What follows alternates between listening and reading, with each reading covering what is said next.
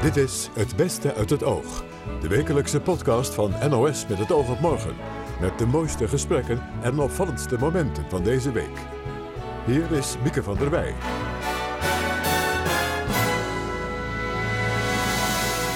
Welkom bij de weekpodcast van het Oog. Deze week overleed Aart Staartjes. Meneer Aart, toon van ome Willem.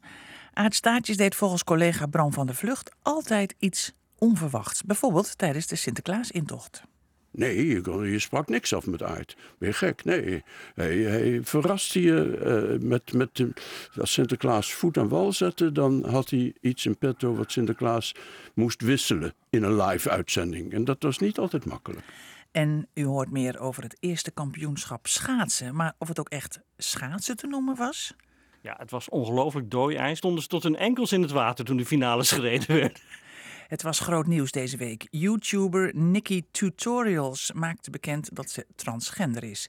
Hoe is het om zoiets bekend te maken? Dat vroeg Chris Keijne aan Thomas van der Meer, die er een boek over schreef. En ja, over het publiceren van het boek heeft hij behoorlijk getwijfeld. Nou, vooral of ik het wel wilde publiceren. Huh.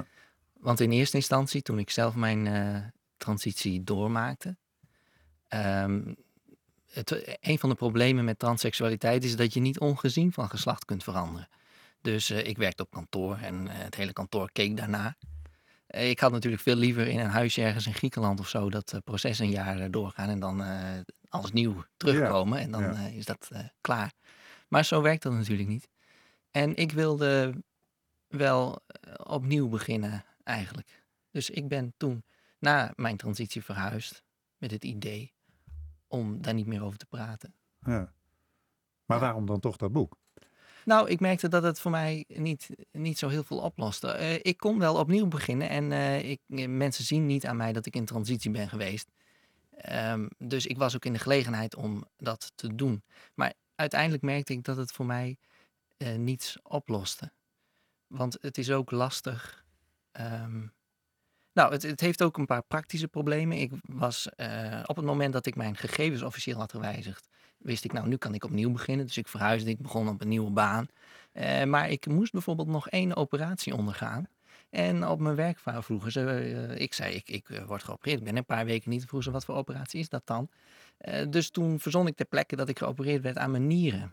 en ehm, toen vroegen ze, oh, hoe zit dat dan? Wat heb je? Ik dacht, ja shit, ik weet er niks van. Ik thuis op Wikipedia uitzoeken hoe dat allemaal werkt. nou, dat is dan een, een praktisch probleem, maar ook gevoelsmatig. Dat mensen wel zoiets vragen over je verleden en dat je dan moet opletten dat je dat allemaal wel goed zegt. En ook lastig dat ik merkte dat er zoveel vooroordelen over transseksualiteit zijn. Omdat mensen daarover praten, terwijl ze niet weten dat er iemand bij is met die achtergrond. Ja. En, En, dus, en dus vond je het toch eigenlijk nodig ook om... ehm, Ja, eh, en ik merkte, ik dacht ook, nou eigenlijk voel ik me nu niet beter hier over, over mijn achtergrond. eh, om, omdat het nu ook heel erg lastig is. En daardoor trad er bij mijzelf ook een soort onverschilligheid op. Dat ik dacht, ja, het maakt eigenlijk niet uit of mensen het nou weten of niet. En ook dat ik daar graag iets aan wilde doen. en je wilde, je was, je was al aan het schrijven. En Ja. dus toen dacht je, nou, dan kan ik net zo goed daarover schrijven. Ja, Ja.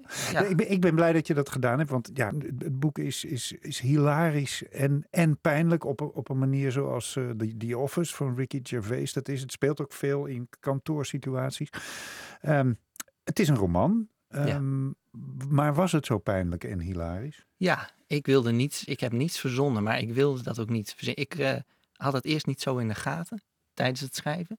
Maar ik, ik, het was een van mijn regels. Je mag niets verzinnen. En natuurlijk, het is een roman, dus er zijn wel bepaalde eh, gebeurtenissen die ik in een andere volgorde heb geplaatst. En bepaalde praktische elementen die ik heb aangepast. Sommige personages zijn in werkelijkheid meerdere mensen. Maar ik dacht, Mhm. als ik iets verzin, dan kan ik het verhaal misschien erger maken. En dan stel ik me aan. En dat, dat wilde ik niet. Ik- Dus, Ik dus wilde- als, als de, de manager eh, op jouw kantoor, de baas op, op de, je hebt twee banen in het boek.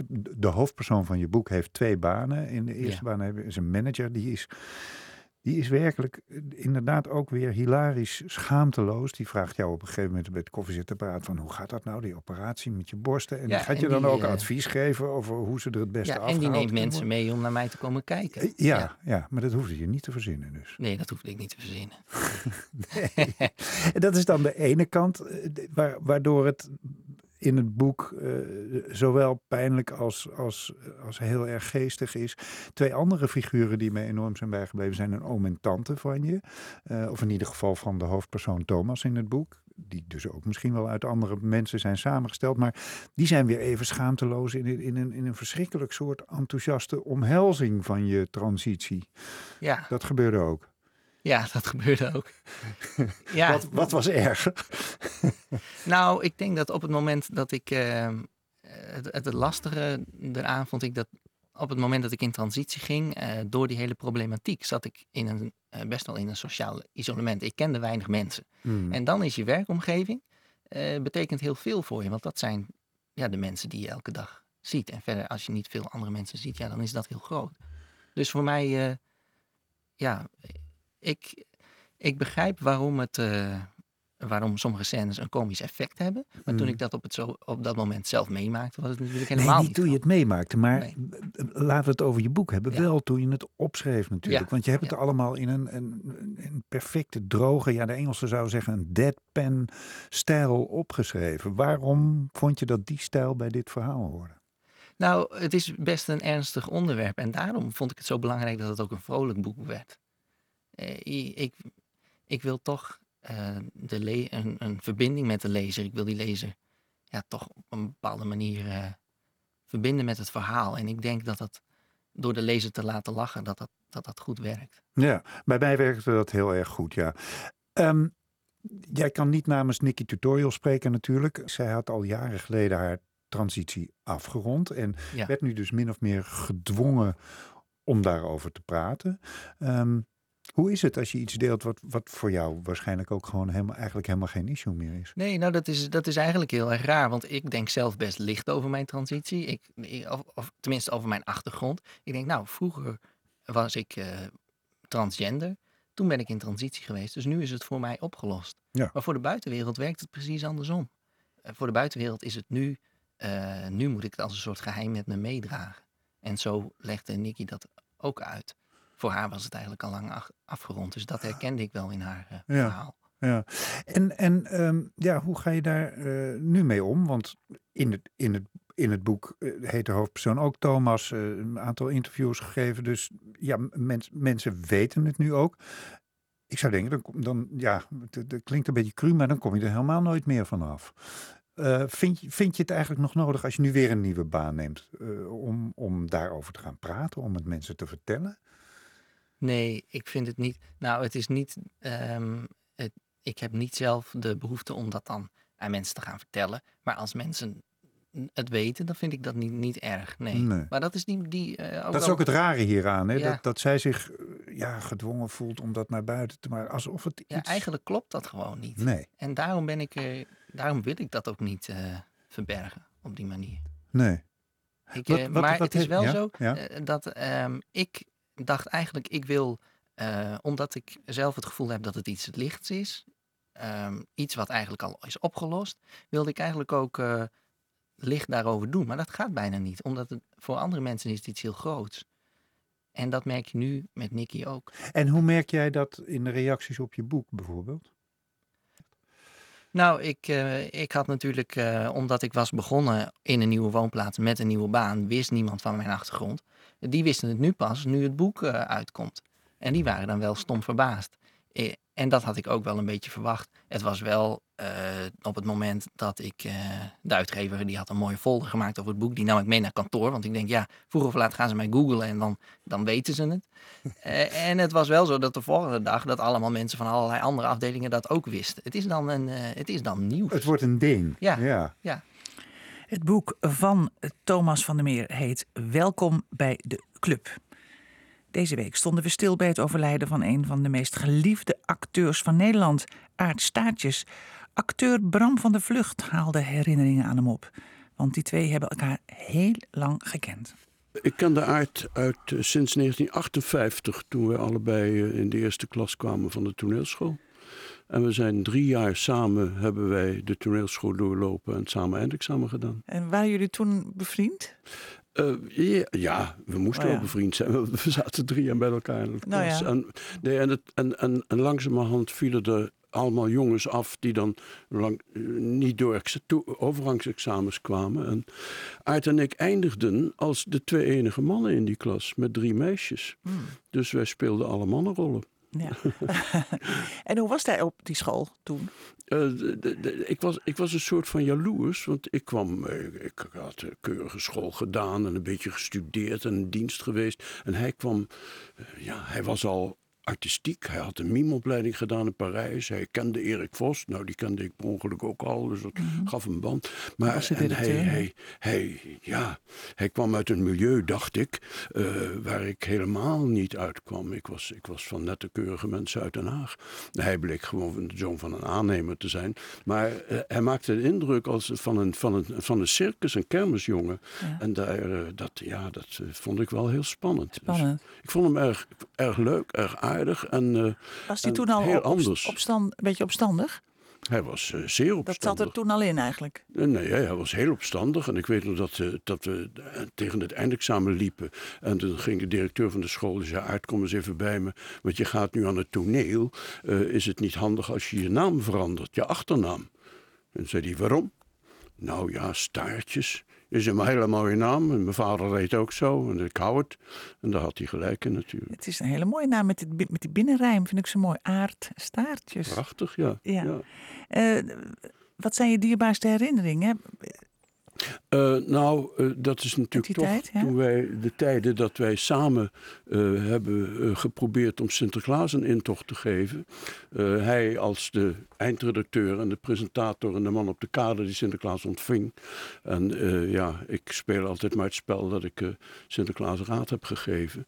Maar Sinterklaas heeft toch de beste raad en de meeste raad gekregen van aard. Omdat hij natuurlijk als goeroe van het nieuwe jeugdtelevisiewezen eh, eh, alles een beetje anarchistisch maakte. En in de hele Sinterklaas-traditie zorgde dat in alle conflicten tussen volwassenen en kinderen de kinderen altijd eh, de baas waren. Nou ja, ik, ik zag vanavond, want er zijn natuurlijk allerlei beelden langs geweest, ook op de televisie. Dat het feit dat hij dan Sinterklaas kuste. Ja, dat is een, was een revolutie. Daar, daar spraken sommige re- eh, conservatieve kranten schande van. Want dan was het de hele imago van Sinterklaas ging weg. Er werd ineens door een man gezoend. Twee, keer- drie, keer. mag ik u nog een kusje geven? Nou, Sinterklaas vond dat heerlijk. En het was natuurlijk ook voor mij, voor Sinterklaas, ontzettend leuk. Want Aard eh, verraste je altijd. Wat ik wou zeggen, hij sprak jullie dat af. Nee, nee, je, je sprak niks af met Aard. Ben je gek? Nee. Hij, hij verraste je eh, met, met als Sinterklaas voet aan wal zette, dan had hij iets in petto wat Sinterklaas moest wisselen in een live uitzending. En dat was niet altijd makkelijk, Nee, maar wel erg leuk. want je wist nooit wat je te wachten stond dus. Nee. nee. En dat daar dan schande over gesproken werd, hè? dat is ook natuurlijk toch ook een beetje de tijdgeest, toch? Nou ja, nou ja, dat is natuurlijk helemaal in de lijn van de Stratenmaker op Zeeshow. Ja, want hij heeft natuurlijk heel veel gedaan, die Stratenmaker op Zeeshow. Eh we hebben net eh, gehoord dat hij dat zelf verzonnen had, hè, die naam. Eh, Dus ik was ja, omdat hij door een oom Ja. voor altijd zo genoemd was. Er komt nooit iets van jou terecht. Ja. Jij wordt stratenmaker op zee en dat, dat heeft hij meteen gebruikt. Ja. Ja, Ome Willem natuurlijk, Se- Sesamstraat. Is, is, is er iets bij waarvan je zegt van ja, dat was wel het mooiste van die dingen? Of zeg je nou, het, hij heeft gewoon sowieso voor alle, alle kinderen, alle Het- generaties Het, het, natuurlijk mooiste was de anarchie en de revolutie. En dat zit in al die programma's. En de straat is dus een heel lang programma geweest. En hij heeft het op laten volgen door eh eh J.J. Ja, de Bom, de kindervriend, En ja. die werd dan Voorheen vrij de snel, eh, voorheen de kindervriend, vrij snel van de televisie gehaald. En eigenlijk eh, andere programma's ook. Omdat het misschien toch net te ver ging. En eh, kijkcijfers gingen dan gelden en zo. Maar hij heeft ook 38 jaar Sesamstraat vormgegeven. En eh, eh, dat, eh, dat mag je ook niet vergeten. Dat heeft hij ook echt een kleur gegeven. Het bestaan van Sinterklaas heeft hij een kleur gegeven. Sinterklaas mag nog steeds aard heel dankbaar zijn voor het imago wat hij dankzij hem gekregen heeft. Ja, en we we hadden het er net even over met een paar mensen. Dus iedereen, alle leeftijdscategorieën, heeft eigenlijk zijn eigen aardstaartjes. Ja. De een heeft de aardstaartjes uit de Stratenmaker op Zeeshow. De andere uit de Ome Willem. De derde uit J.J. de Bom. De vierde uit Sesamstraat. Ja, ja. bedoel, En, zijn- en, en Sesamstraat zijn natuurlijk de kleintjes Ja, die, die hem precies. nog steeds kennen. Ja, En dus hij, heeft, hij, heeft, hij, heeft, hij is erin geslaagd om die oude, knorrige man... die hij in Sesamstraat wil hebben... om een tegenkleur te geven tegen al dat zacht, zoetsappige gedoe... om daar toch een vriendelijke, aandoenlijke oude man van te maken. Zo knorrig als die is. Ik vind dat heel knap. Dat gaat ver, hoor. Edwin Rutte die, die zei hij eh, eh, ging altijd terug naar het kind in zichzelf. En daarom was hij zo, eh, daarom sprak hij kinderen zo aan. Ja, dat is best mogelijk. Maar wat, wat ook heel belangrijk is in dat werk wat hij altijd gedaan heeft, hij had een feilloze intuïtie voor het kiezen van onderwerpen en van mensen. Hij heeft zo vaak de goede mensen om zich heen uitgekozen. Dat heeft hij al gedaan met Joost Prinsen en met Wieteke van Dort. Dat heeft hij met Erik van Muiswinkel gedaan. Dat heeft hij met mij gedaan. Hij, hij altijd de mensen waar die, waar die het beste mee voort kon. En eh, dus, dus het is slim, het is eh, heel creatief en, eh, en, en vertrouwen op zijn intuïtie. En dat, ja, het is, een, het is een bijzonder mens. Want hij is niet verder geschoold of intelligent eh, in die zin dat hij, dat hij dingen, eh, de dubbele agenda's heeft of zo. Nee, hij, hij heeft gewoon de goede geest in zich. Toch was er ook controverse. Nou, je, je zei het net al, die, dat kussen van Sinterklaas. Maar hij zou de kinderen ook schuttingtaal leren. Dat was natuurlijk ook... Sommige dingen gingen in de ogen van de, van de goede gemeente ook wel te ver. Als hij een lied laat schrijven over poep en pies, die woorden zijn erg onnat en erg vies. En eh, hij weet dat hij daarmee provoceert. Maar hij geeft er een vorm aan, met Harry Banning samen, van een 17e eeuws menuet. Wat hij met Wieteke en, en wat nog vandaag de dag na zijn overlijden alsmaar op de televisie wordt uitgezonden. Omdat die tegenstelling maakt het zo onschuldig en zo fantastisch. Nou, verzon hij dat dan? Dat heeft hij verzonnen. Hij heeft al die schrijvers, Jan Riem, Jan Boerstoel, Hans Dorrestein, Willem Wilmink. Wilmink, hij heeft ze bij de televisie gehaald. Dankjewel, Bram van de Vlucht. Dank je, Mieke. bijeenkomst. De Wollemia nobilisboom wordt ook wel een levend fossiel genoemd. Zo'n 200 exemplaren van deze prehistorische bomensoort hebben voorlopig de bosbranden in Australië overleefd, dankzij een geheime missie van de brandweer. Gerda van Uffelen was hoofdcollectiebeheer bij de Hortus Botanicus in Leiden en nam een tak van de Wollemia mee naar de studio. En die boom ziet er ongeveer zo uit. Die hele boom ziet er dus uit als een soort kerstboom met allemaal eh, een beetje horizontaal afstaande takken. Dus allemaal even lang. Vrij lange eh, Ja, niet naalden heel lang. Ja, eh, eigenlijk een beetje bladachtige naalden, best wel breed. Nog veel groter dan een, een taxus die de meeste mensen wel kennen. En aan het eind hangt hier een mannelijke kegel. En als die uitgegroeid is, dan komt er stuifmeel uit. En zo af en toe dan komt er aan het eind van zo'n tak een vrouwelijke kegel. En als dat stuifmeel dan zo'n vrouwelijke kegel bevrucht, dan kan je zaadjes krijgen. Dat En- hebben we nog nooit gehad in de hortus. Nee, helaas denk ik. Helaas, eh, dat ja. willen we wel. En, en het is een levend fossiel, want wat betekent dat in verband met deze boomsoort? Nou, levend fossiel is een meer algemene term. Er zijn meer planten en dieren waarvan eigenlijk het fossiel eerder bekend was dan de plant zelf. En dat betekent dat zo'n soort eh, heel lang onveranderd is gebleven. Want zo'n fossiel is vaak miljoenen jaren oud. En dan vind je ineens een plant die daarbij past. En dat is in, hierbij in de jaren negentig gebeurd. Dat is hierbij in de jaren negentig gebeurd. In 1994 heeft een boswachter op een wandeling in een park in Australië, een nationaal park, eh, is zijn oog op die boom gevallen en dacht van hé, dat ken ik niet. Dat neem ik mee naar de botanische tuin van Sydney en allerlei deskundigen naar gekeken. En niemand kon het echt thuisbrengen. En uiteindelijk bleek dat een onbekende soort te zijn. En is dat, verklaart dat ook het enthousiasme voor deze soort? Of is het, is het ook nog eens een keer een hele speciale? Of is Nou, het het- meer dat wij hem niet kenden tot nou, die het bijzondere is ook dat hij zo anders was dan allerlei andere coniferen, dus bomen met kegels, dat ze wel wisten in welke familie die ongeveer paste. De familie waar ook de kamerden en de slangenden, dat is zo'n tuinplant, eh, in horen. Maar een nieuw geslacht. En daar hebben ze dus genoemd naar het park waar die gevonden is, namelijk naar het Woolemi National Park. Nou, Woolemi, dat komt uit de oorspronkelijke Australische taal.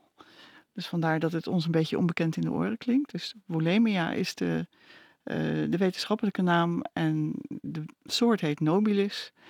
En is een beetje genoemd naar de, de boswachter die hem ontdekt heeft. Maar zijn collega's waren zo jaloers dat ze toen later hebben gezegd: nee, dat, dat was een hele nobele boom. Dus daarom hebben we hem Nobilis genoemd. En, en de Australische brandweer heeft enorm zijn best gedaan om dit, uh, deze boom te redden. Hè? Wat, wat, hebben ze, wat hebben ze er allemaal voor moeten doen? Want je ziet, je ziet op beelden één strook groen, te midden van een plat gebrande bossen. Nou, het was al een, uh, een, een hele afge um, afgeschermde vallei, heel diep ook. Echt tientallen meters diep in zandsteen. Uh, met een bijzondere bodem, ook een bijzonder klimaat, heel vochtig. Eh, terwijl daar omheen het heel droog is, vandaar dat het ook zo in de brand is geweest. En daar he hebben dus miljoenen jaren lang hebben die, hebben die bomen daar gestaan. In hun eigen kleine milieuutje, wat heel anders is dan wat daar omheen was. En zijn ze die dan nu speciaal nat gaan houden, zodat ja, dit met, stuk uh, het van het bos gered is? Op het filmpje zien, als je daar, The Guardian heeft het laten zien en uh, een Australische uh, station ook. En dat ze met helikopters echt water naar beneden gooien. Maar er zijn ook mensen echt in die kloof gaan lopen om er een soort irrigatiesysteem aan te leggen. En daar kan je ook zien dat ook de bodem al behoorlijk is uitgedroogd geraakt. Dus dat het echt misschien wel kantje boord was. Eerder al hebben ze om de bomen voor uitsterven te behoeden. Uh, zaailingen naar botanische tuinen in de hele wereld gestuurd. En u mocht er, uh, was nationaal in het nieuws, in 2006 zelf ja. een in ontvangst nemen voor de Hortus Botanicus in Leiden. Was dat een bijzonder moment voor u? Ja, dat ja, ik echt... zie u nog steeds glunderen. Nee, maar dat is echt verschrikkelijk ja. leuk als je zomaar ineens een, een potje met een plant in je handen geduwd krijgt die zo bijzonder is. Want er zijn er nou, iets meer dan 100 exemplaren nog van op de wereld. En de Australische overheid heeft ook echt ongelooflijk zijn best gedaan om daar een, een beschermingsprogramma voor op te zetten. En dat hebben ze ongelooflijk slim gedaan. En dat betekent ook dat de hele wereld zich nu, ja, een beetje een soort koala, maar dan een plant. En doet hij het een beetje in Leiden? Wij hebben de hoogste van Nederland, 6 meter. 6 meter? Ja. Maar het is er één. We hebben er drie. Er zijn er drie. Ja, we hebben toen in 2006 uh, twee gekregen, want botanische tuinen ja, werden ze gewoon onderverdeeld. Uh, maar mensen konden ze vanaf toen ook kopen. En heel veel liefhebbers hebben toen zo'n boom gekocht, want ze zijn in een kuip best wel te houden. Ook kunnen ze niet echt tegen vorst. Um, en wij hebben er ook nog eentje gekregen van iemand die ging verhuizen en die werd te groot. En toen mochten wij hem hebben. En stel dat je ze op de Veluwe gaat planten, redden ze het dan?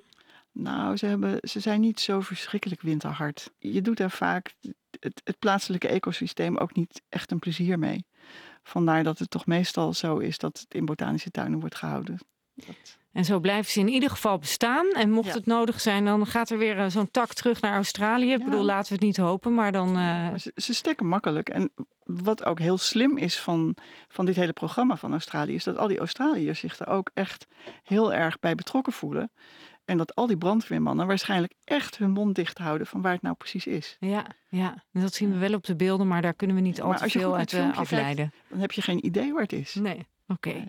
Zeg, ik geef u de tak terug. Kwam u van u thuis? Bewaart u deze of heeft u die uit de tuin meegenomen? Nee, vanmiddag bij de thee zeiden ze van ja, als je nou vanavond naar, met het oog op morgen gaat, dan krijg je een tak mee. Oh, mooi zo. Maar u mag hem wel houden. Ja, ik ja. kan proberen hem te stekken. Gerda van Uffelen, hartelijk dank. Alsjeblieft, ik geef hem... Uh... Oh, zijn we alweer klaar? Ja, we zijn alweer klaar, ja. Ik ja. veel meer kunnen vertellen. Ja. Zo gaat dat soms. De tijd vliegt. Ja, dat maak ik ook wel eens mee. Als je geïnterviewd wordt, dan lijkt het altijd te kort. Schaatsen zit in het DNA van Nederland. Geen wonder dat al in 1887 het eerste kampioenschap werd gehouden. De opa van Pieter van Vollenhoven eindigde toen als beste Nederlander. Rob Trip sprak over dat kampioenschap met schaatshistoricus Marnix Koolhaas. En hij belde ook nog even met Pieter van Vollenhoven zelf. Het was het eerste Nederlandse kampioenschap, maar het was een open kampioenschap. En daar zijn op het laatste moment nog een paar Engelsen overkomen varen. Met de grootste moeite. Kwamen een uur voordat de wedstrijd van start ging, stonden ze aan de start. Maar die uh, waren toch beter dan de Nederlanders. Ja. En dat was uh, heel verrassend. En hoe kwamen ze daarbij om Engelsen naar Nederland te halen? Nou, die Engelsen hadden al in 1880 als eerste een, bond opgericht. Want er was een enorme chaos aan rijders die allemaal zeiden: Ja, ik ben wereldkampioen, want ik heb zo snel gereden. Nou, overal in Noorwegen en Amerika. En toen hebben die Engelsen als eerste bedacht: We richten een bond op en dan gaan we officiële wedstrijden organiseren. En toen heeft de Nederlandse kroonprins Willem-Alexander een uh, beker ter beschikking gesteld, de Prince of Orange Bowl. En die zou in Engeland verreden worden en de winnaar daarvan zou officieel wereldkampioen worden. Maar ja, het ging ook toen al nooit vriezen in Engeland. dus die wedstrijd kon maar niet gehouden worden. En toen heeft de Nederlandse schaatsrijdersbond, die inmiddels was opgericht in 1887, eh, besloten om dan maar in Nederland een wedstrijd te houden en die Engelsen uit te nodigen. Ja, en toen bleek overigens ook dat ze ontzettend goed konden schaatsen, ook die Engelsen natuurlijk. Ja, die uh, Charles Tabbert die uh, overkwam. Overigens een vriend van uh, Pim Mulier, de, de grondlegger van de sport in Nederland. Hij was al vaker in Nederland geweest. heeft tochten gereden. heeft zelfs elf tocht een keer gereden. En die bleken zeker op dooijs, want daar waren ze in Engeland gewend om op te rijden. Hadden ze speciale schaatsen voor. En die wist inderdaad Klaas Pander, die toen de beste Nederlander was. En Willem-Jan van Vollenhoven allebei te verslaan. Ja, Willem-Jan van Vollenhoven hè, is niemand minder dan de grootvader van Pieter van Vollenhoven. Zeker. Ik vroeg hem of hij dat wist eigenlijk, dat hij een schaatskampioen in zijn familie had. Nee, dat wist ik niet. Nee, omdat uh, ik wist wel dat mijn grootvader natuurlijk bestond, maar hij was al overleden toen ik werd, werd geboren in 1939 en hij is, dacht ik, in 1920 overleden. En u heeft ook nooit over zijn schaatsverleden gehoord? Toen? Nee, nee, nooit. Nee, kijk, want op een zeker moment ben ik een oorlogskind geweest en in de oorlog ja, werd er eigenlijk niet zoveel gesproken, kan ik me herinneren. Dat, dat, dat, dat gebeurt niet. En na de oorlog hadden die gesprekken dan moeten plaatsvinden. En ik heb nog wel mijn, uh, mijn grootmoeder uh, gezien, eigenlijk, die dus met hem was getrouwd. Maar we hebben verder over zijn leven nooit gesproken. En wat bent u inmiddels te weten gekomen over uw grootvader? Was hij bijvoorbeeld zo sportief? Ja, hij was sportief. Dat was mijn vader ook. En hij woonde ook in mijn Sereland. Ik had gehoord dat hij daar ook een grote zeilboot had. Dus hij was wel iemand die ontzettend veel met het water bezig was. En, en, en mijn vader ook. Dus uh, daar, daar zat, daar moet een, een, grote verwantschap hebben gezeten. Een schaatshistoricus Marnix Koolhaas die zegt het is eigenlijk een goed idee om een monument op te richten ter nagedachtenis aan dat uh, pionierswerk van uw opa en zijn kompanen. Stel dat dat er komt, zou u dat willen onthullen? Nou, dat denk ik wel. Ja, nee, dat denk ik wel. Wel kijkers op een zeker moment. Ik vind het. Ik, vind, ik, ik bewonder altijd mensen die eigenlijk zoveel energie hebben gehad om dat te doen. Hè. Dus het is een prestatie.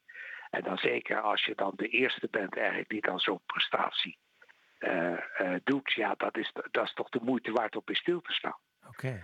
Dat is genoteerd, zeker ook door Marnix zelf. Ik dank u wel, meneer Van Vollenhoven. Ja, het was goed op bestemd door meneer Trip. Het allerbeste. ja, zo voor het monument straks uh, meer, uh, Marnix. Maar ja. nog even over Slikkerveer, want jij zei al dat het ja. toernooi werd daar gereden. Waarom eigenlijk daar? Nou ja, Rotterdam moest het organiseren. De Rotterdamse IJsclub. Die hadden uh, bij Kralingen hun eigen baan. Nou, daar viel helemaal niet uh, op te rijden. De dooi was ingevallen. Toen zijn ze uitgeweken naar Slikkerveer. En daar in de uiterwaarden hebben ze nog een baantje kunnen uitzetten. Maar uh, ja, het was ongelooflijk dooi-ijs. Stonden ze tot hun enkels in het water toen de finales gereden werd. Ja, dus dat is nog wel opmerkelijk dat die opa van Pieter van Vollenhoven zo goed nog uit de bus kwam eigenlijk, toch? Ja, hij moest zelfs drie is. keer rijden. En ze reden een mijl, dus het is 1600 meter. Nou, dat was best een.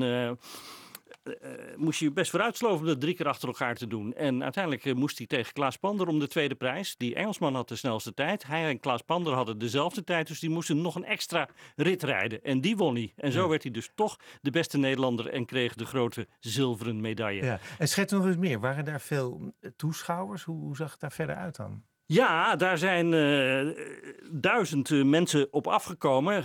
Over glibberende paardjes die allemaal ook aan het uh, ontdooien waren. Met koetsjes met paarden ervoor. gleden allemaal van die dijk af. Moesten een gulden toegang betalen in die tijd. Ja, en dan was er voor de, voor de arbeiders een speciale hok. Waar ze voor een kwartje nog net ook iets van de baan konden kijken. En jij zei net al iets over de schaats. Op wat voor schaatsen deden ze dat dan op, op dat dooijs? Ja, dat was in die tijd heel eh, lastig. Want ja, vroor het hard, dan had je eh, heel dun ijzer nodig. Maar lag er dooijs, dan had je veel dikker ijzer nodig. En die Engelsen, die reden eigenlijk altijd op dooijs. Dus die, hadden, die waren heel erg in het voordeel met de schaatsen die zij gebruikten daar. Eh, zou het hard gevroren hebben, dan denk ik niet dat ze gewonnen hadden. Nee, maar zijn het dan brede ijzers of zo? Wat moet je daarbij voorstellen? Ja, die ijzers zijn een paar millimeter, maar dat is ook nu nog zo hoor. Hm? die kun je een millimetertje dikker of een millimetertje dunner maken. En dat maakt uit op wat voor ijs je rijdt. En daar pas je het op aan. Als het goed hard precies, ijs is, dan doe je dat. Als je buiten moet rijden bij 10 graden vorst, heb je uh, dunner ijs nodig dan als het uh, dooijs is. Ja. Hoe is het verder met die Willem-Jan van Vollenhoven gegaan na dat kampioenschap?